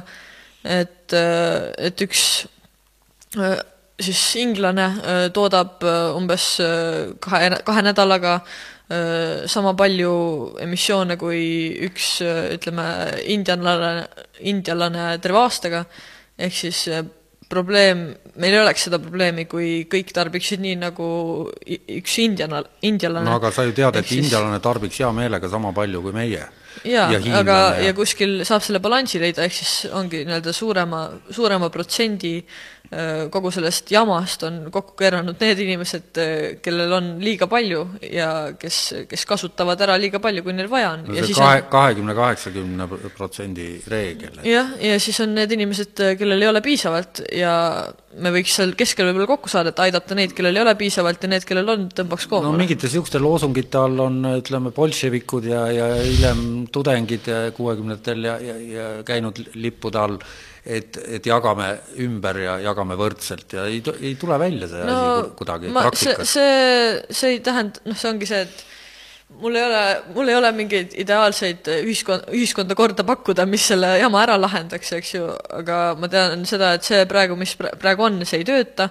see nii-öelda esinduslik demokraatia, mis meil on, ka ei tööta, sest et äh, inimesed ei tunne, et nende hääl oleks kuuldav, kapitalistlik majandussüsteem ei tööta no,, ma ei tea, mis need oota, mis selle kapitalistliku majandussüsteemil häda on? häda on selles, et see vajab pidevalt kasvu, majanduskasvu ja vajab seda, et, et need, kellel on rohkem, need saavad ainult aina juurde. Ja meil ei ole võimalik igavesti kasvada, eks ju, piiratud no seda küll, et aga et nii et teil ei ole ka nagu mingit oma, oma plaani muud ei ole, kui et no mul tõesti ei ole seda olete... ideaalset maailmakorda, mis kõik ära päästaks, ma tahaks, et mul oleks, aga ma tean seda, et mis suunas see võiks liikuda minu räägi, no see ongi, et, et mis suunas siis liikuda, sest aga see, see ongi seesama filosoofid ei ole veel ja. seda välja mõelnud see on noh, mina nii, nii palju, kui ma oma seitsmeteistaastase elukogemusega olen välja mõelnud, siis siis ongi nagu see kogukondlik elamine, looduslähedasem elamine, et me oleme võib-olla rohkem maa, maapiirkondades me oleme elama hajutatult ja meil on ikkagi olemas need tehnoloogiad, mis meil on, ehk siis me ei lähe koopasse tagasi, me ei lähe nii-öelda ajas kaks aasta, kakssada aastat tagasi, kus, kus meil mingeid asju lihtsalt ei olnud. no Kaupo Vipp äh, siin ühe stsenaariumina käis välja, ta kirjutas raamatu Globaalpohmelus ja siis lokaalravitsus ja seal, seal oli ikkagi täiesti arvestatav stsenaarium, me kukume ja. sinna kuskile tööstusrevolutsiooni eelsesse aega, sest kui nafta on... ära kaob, siis seal me oleme ju. jaa et, et, et see on täiesti ju üks võimalikest ja, lahendustest. see on üks võimalikest lahendustest ja ma olen, ma olen selleks nagu selles mõttes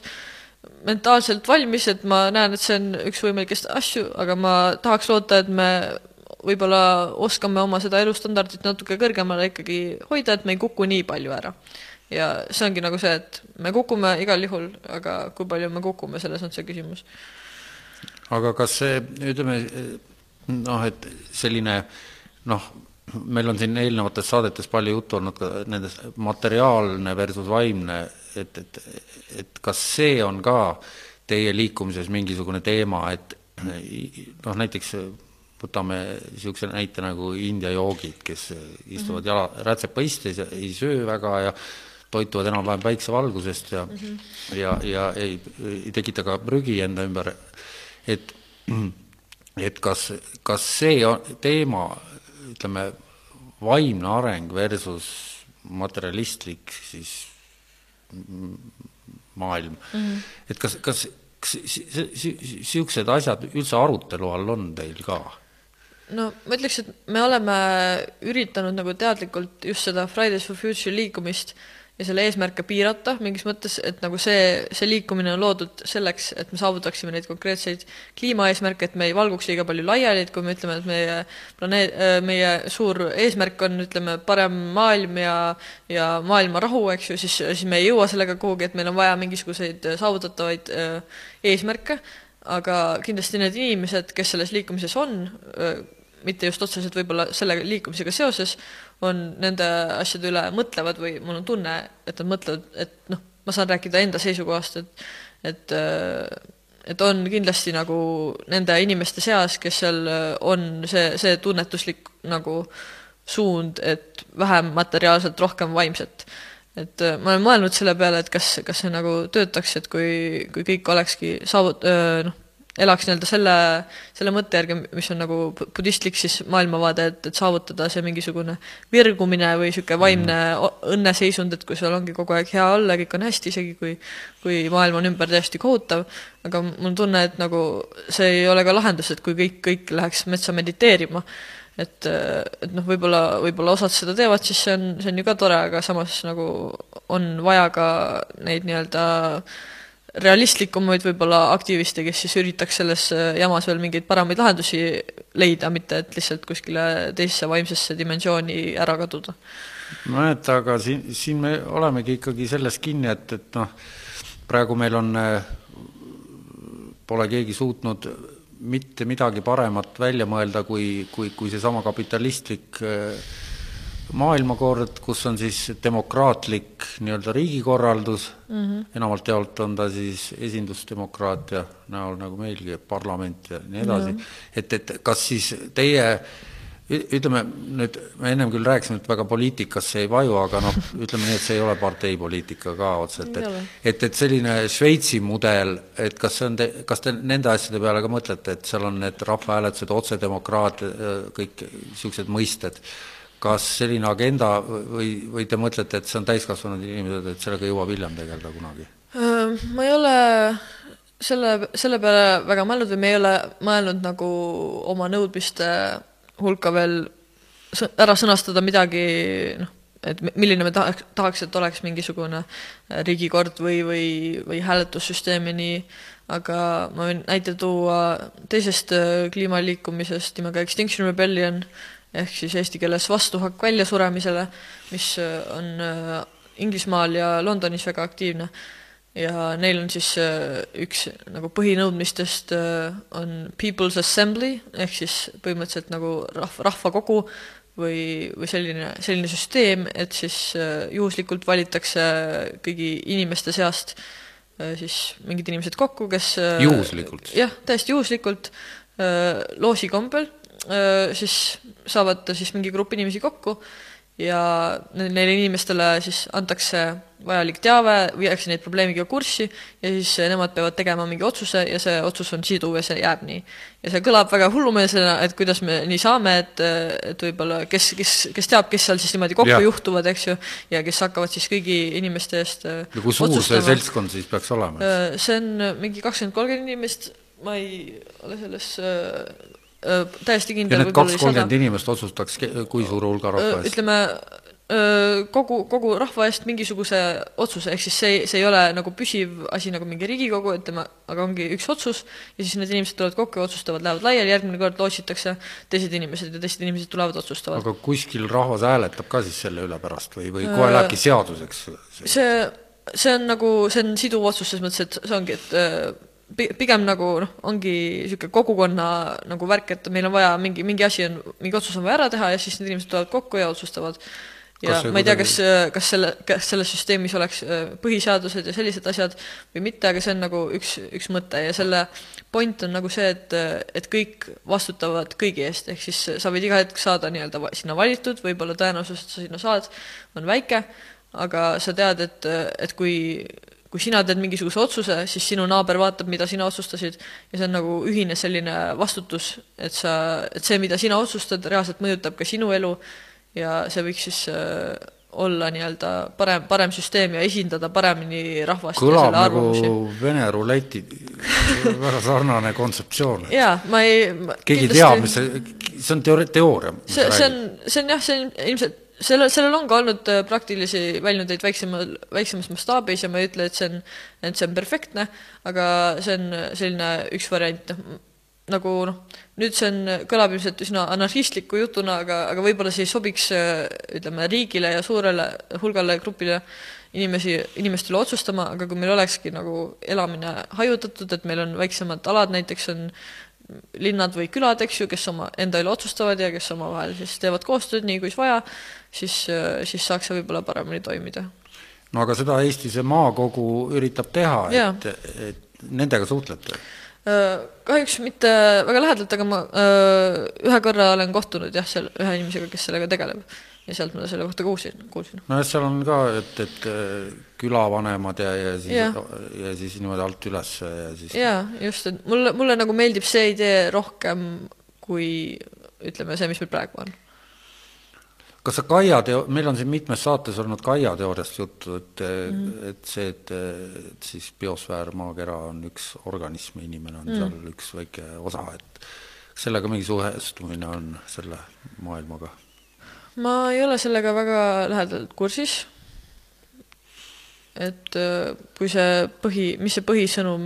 no et äh, planeet on nagu, sa võid vaadelda rakku kui osa yeah., osakest no muidugi tervikuna mõttes... toimivat noh, komplekssüsteem, siis oli yeah. niisugune väljend, mida siin sai, eelmises saates jooksis läbi palju, et yeah. et, et, et noh, sama asi on, et, et see kliima soojenemine on justkui palavik, et mm et, et see planeet noh, kui tal on palavik, siis ta saab terveks ühtepidi või teistpidi ja siis see, selle nüüd kas meie inimene kui liik selle käigus ellu jääme või ei jää, sõltub nüüd asjaoludest,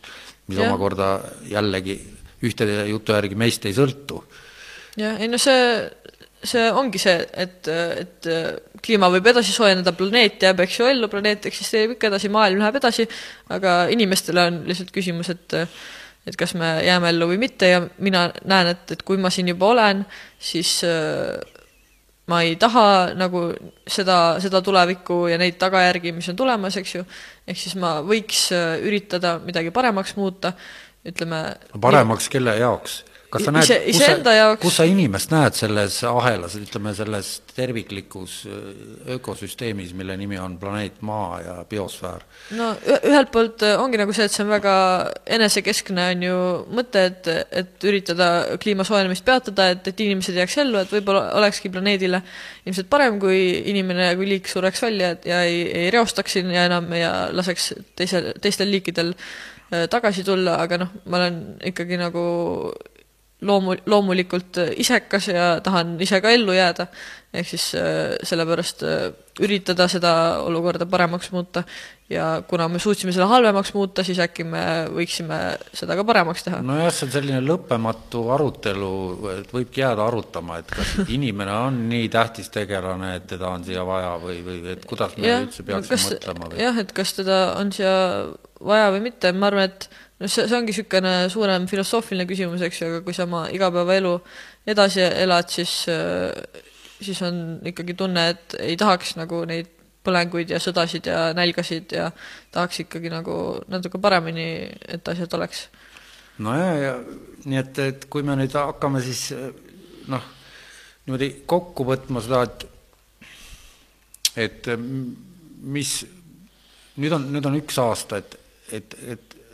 viisteist märts mm, -hmm. sa ütlesid, tuleb, ütle veel kord üle, mis, kus kohas täpselt kui...? jaa mm,, Facebooki üritus ei ole veel üleval, aga tuleb siis äh, Tallinnas ja Tartus kindlasti ja võib-olla ka Pärnus ja Rakveres äh, kliimastreik, mille siis alapealkiri on Kaua veel, ehk siis see toimub viisteist märts, algusega kell kaksteist Tallinnas Toompeal Riigikogu ees ja Tartus Raekoja platsil ja toimub siis äh, meeleavaldus koos esinemiste, kõnedega, Tallinnas tuleb Trad Attack esinema näiteks ja see on pühapäevane päev ja lisainfot saab kindlasti ka sotsiaalmeediast. kus kohast? Äh, Fridays for Future Eesti on, see on keeru-, keeruline ingliskeelne nimi, ma ütlen Fridays for Future Eesti, keeruline, aga võib kirjutada ka otsingusse kliimastreik ja loodetavasti selle peale ka tuleb äh, see üritus üles ja kui on, ei ole sotsiaalmeedia kasutaja nii väga, siis äh, võib kirjutada meilile, et infot saada või midagi küsida, kliimastreik at gmail punkt kom et sealt saab äh, kõike ka teada täpselt. aga kas te arendate niisugust nii-öelda võrgustikku ka välja, et näiteks kui on, ütleme, meid kuulajad näevad mingi äh, erinevates kohtades erinevad noored inimesed ja ka vanad inimesed mm, -hmm. et nüüd neil tekib tahtmine ühendust võtta ja, ja osaleda kuidagi, ütleme, oma kodukandi neid liikumisi on ju erinevaid täna, tänapäeval, et ja ma saan aru, et, et te ei, otsest koostööd ei tee mitte kellegiga ja, ja et, et need asjad siin väikses Eestis kuidagi kaootiliselt üksteist sõltumatult äh, toimetavad. et kas on äh, mingi põhjus, võiks olla kellelgi teiega liituda või teil kellegi teisega või, või kuidagi ühendust -hmm. otsida või sa mõtled nagu teiste organisatsioonide ja liikumistega või? no näiteks, et kui jah, tekib nüüd äh, kellelgi tahtmine luua mingi rakuke mm. või, või, või väike jaa, nagu seltskond. seda kindlasti selles mõttes, et et äh, see liikumine on nagu üsna spontaanne, et see hakkas Tallinnas, sest ma lihtsalt parasjagu olin Tallinnas, ma olen muidu Rakverest, Rakveres oli ka paar inimest, hakkas pihta, nad, noh, see on selline me tahame olla nagu autonoomsed selles mõttes, et iga see nii-öelda rakuke, iga grupp Tallinnas, Tartus, Pärnus võib äh, ise oma otsuseid teha, kui ta tahab, niikaua kuni meie nii-öelda ühised mingid väärtused ja arusaamad on nagu samad. mille all te koondute, on äh, ikkagi see Fridays for Future? Fridays for Future ja siis on, tuleb see siis Tallinn või Tartu ja, ja see on nagu väga oodatud, et selles mõttes see pole tegelikult üldse nii keeruline, et, et streikimisega alustada, et lihtsalt äh, võtta plakat ja minna reedel kohale ja ja anda meile teada lihtsalt sellepärast, et siis me saame nagu jagada seda infot teistele ka ja, ja Facebookis ja mujal. Ja, ja niimoodi on, on tekkinud ka siis Tartus ja mujal need grupid, et kui, kui see esimene meeleavaldus hakkas, hakkasime kor-, kor-, korraldama kolmekesi või nii Tallinnas, siis äh, nädal enne siis Tartust ka kirjutati äh, lehele Facebooki, et äh, kuulge, et me tahame ka teha. ja siis mitu inimest kirjutas korraga ja siis me lihtsalt viisime need kokku. et, et see ongi nii, et, et mõtle, kui keegi mõtleb, et aga mi, minu kodukohas ju ei ole, siis sina oled, oledki see, kes peab selle alustama. aga selle teeme ära, nemad ju alustasid ka niimoodi ja nüüd nad on üle maailma. jah, täpselt. et, et, et kas teil nendega noh, koostöös mingit infot vahetada me, jah, me oleme nagu, noh, me osalesime Teeme Ära selles muidu projektis ja, ja paar inimest, kes seda on korraldanud, on meile vahel nõu andnud meedia ja kommunikatsiooni teemal ja ja kindlasti nagu üritame nende infot jagada ja, ja äkki jagavad nemad ka meie infot, et, et koostööd teha. ja kui nüüd keegi vaatab, kellel on, kes tahaks toetada rahaliselt, et siis see MTÜ Loodusvõlu või, või kuida-, ku, yeah. ku, kuidas selle, kuidas seda inimestel on lihtne, sest ma tean, minu saatel on see PayPali link on iga saate all mm, -hmm. et kuhu klikkides saab kas või ühe euro võiks panna igaüks, siis oleks juba palju lihtsam seda saadet teha aga inimesed ei kipu nagu toetama. et, et vahepeal ma lugesin reklaame saate alguses ja et kas teil on see pool nagu lihtsaks tehtud inimestele? Äh, väga ei ole ausalt öeldes, et äh, me oleme tavaliselt äh, teinud nii, et kui meil on tulemas mingi suur üritus ja meid on vaja, siis me, raha, raha on nagu vaja parasjagu, siis me teeme postituse ja siis sinna paneme siis selle pangakonto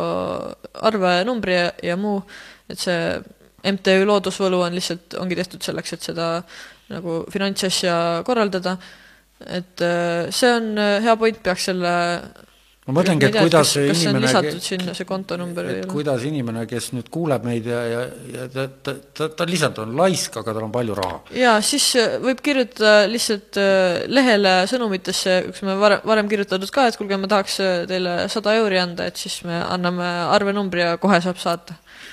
selleks peab ikka inimene ise olema nii-öelda proaktiivne ja jaa, see on tegelikult hea point ja me peaks sellega tegelema. nii palju asju, millega peaks tegelema. nuppu, et saab mobiiliga maksta, vist mobiiliga ja, makse on üks lihtne asi ja sest see PayPal jah, et seda peaks ette võtma, jah. kuidagi välismaine.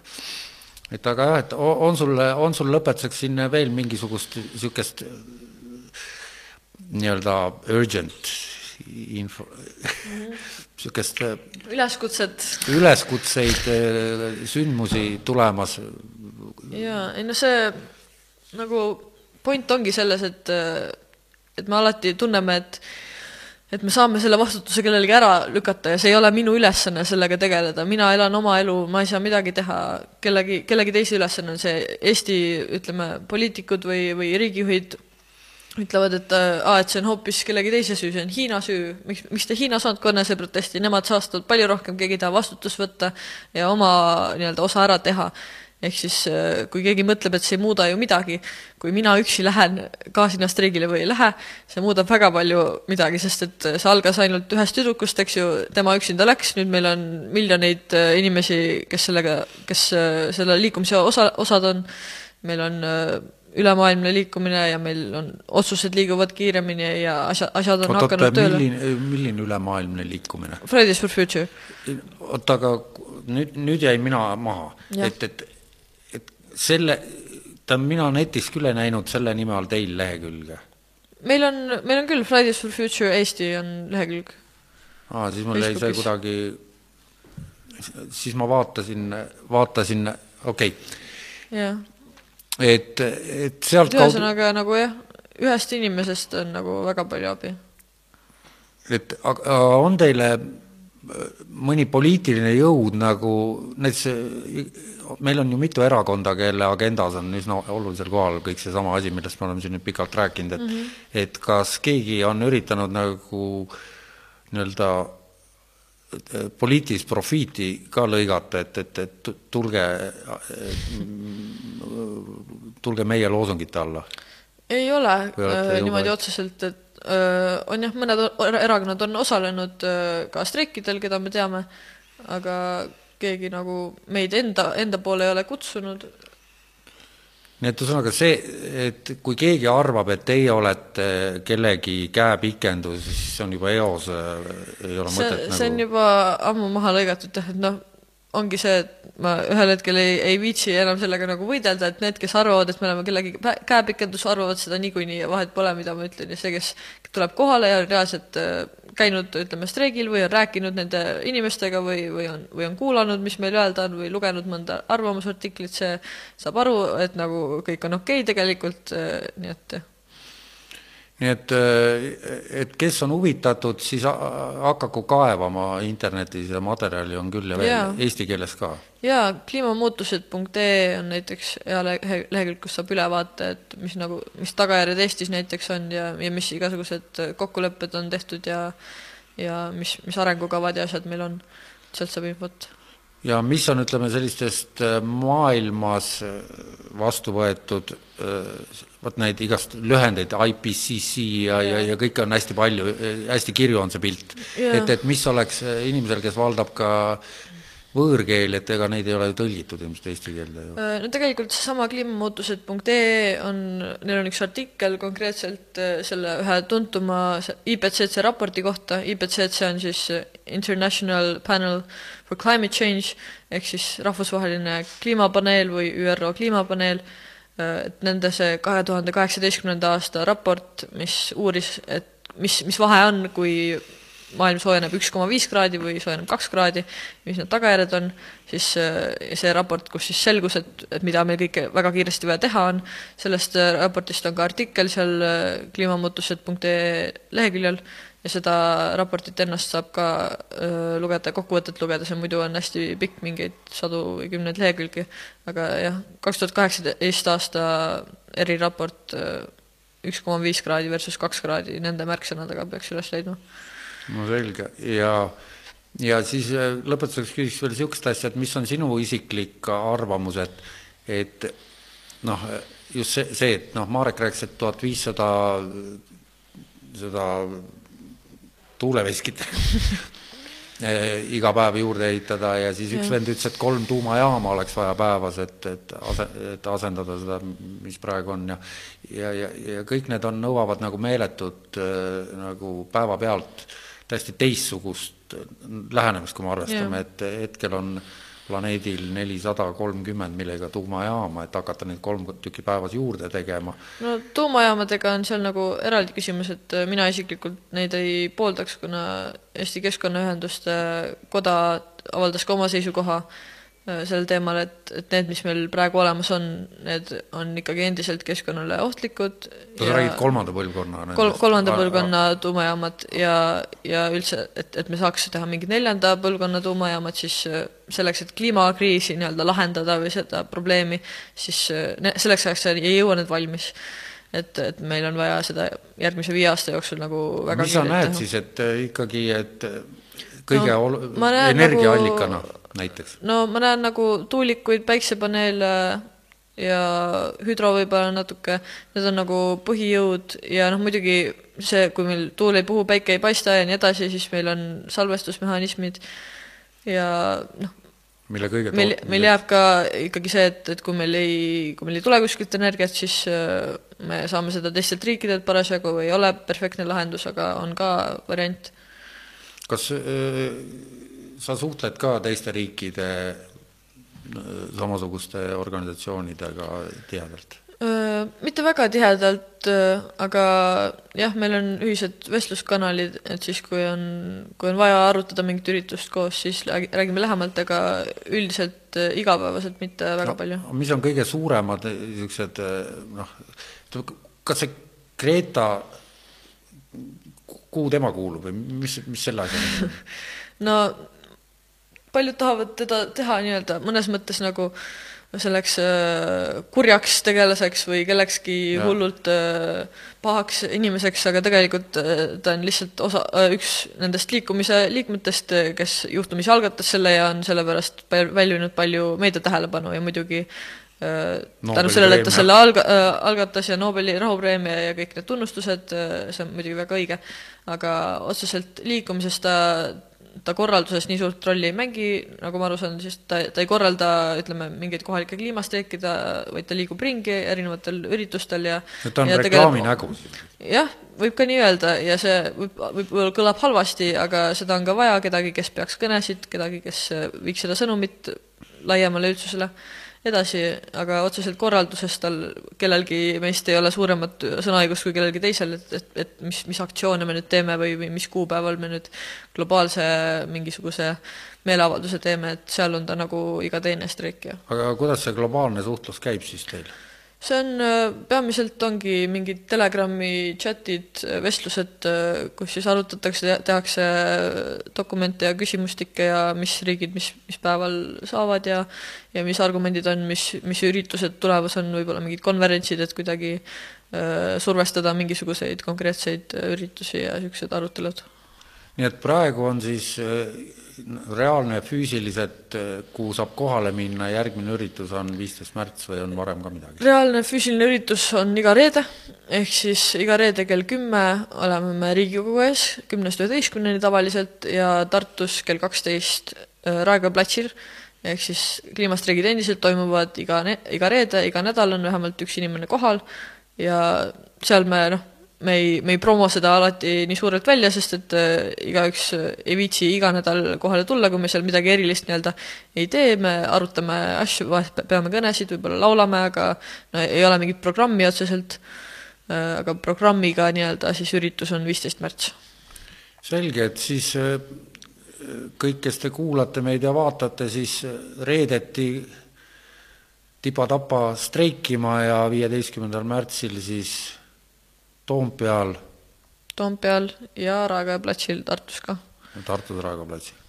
selge, aga siis, siis oleme praegu vist olulise asja ära rääkinud ja mm -hmm. ma usun, et see jää kindlasti viimaseks ja, ja ma usun, et mul tuleb sel teemal nüüd veel saateid, eriti just see toidu, toidu teema, mis meil siit läbi käis ja, ja veel, veel mingid asjad on plaanis. et aga aitäh tulemast ja, ja, ja näeme jälle. And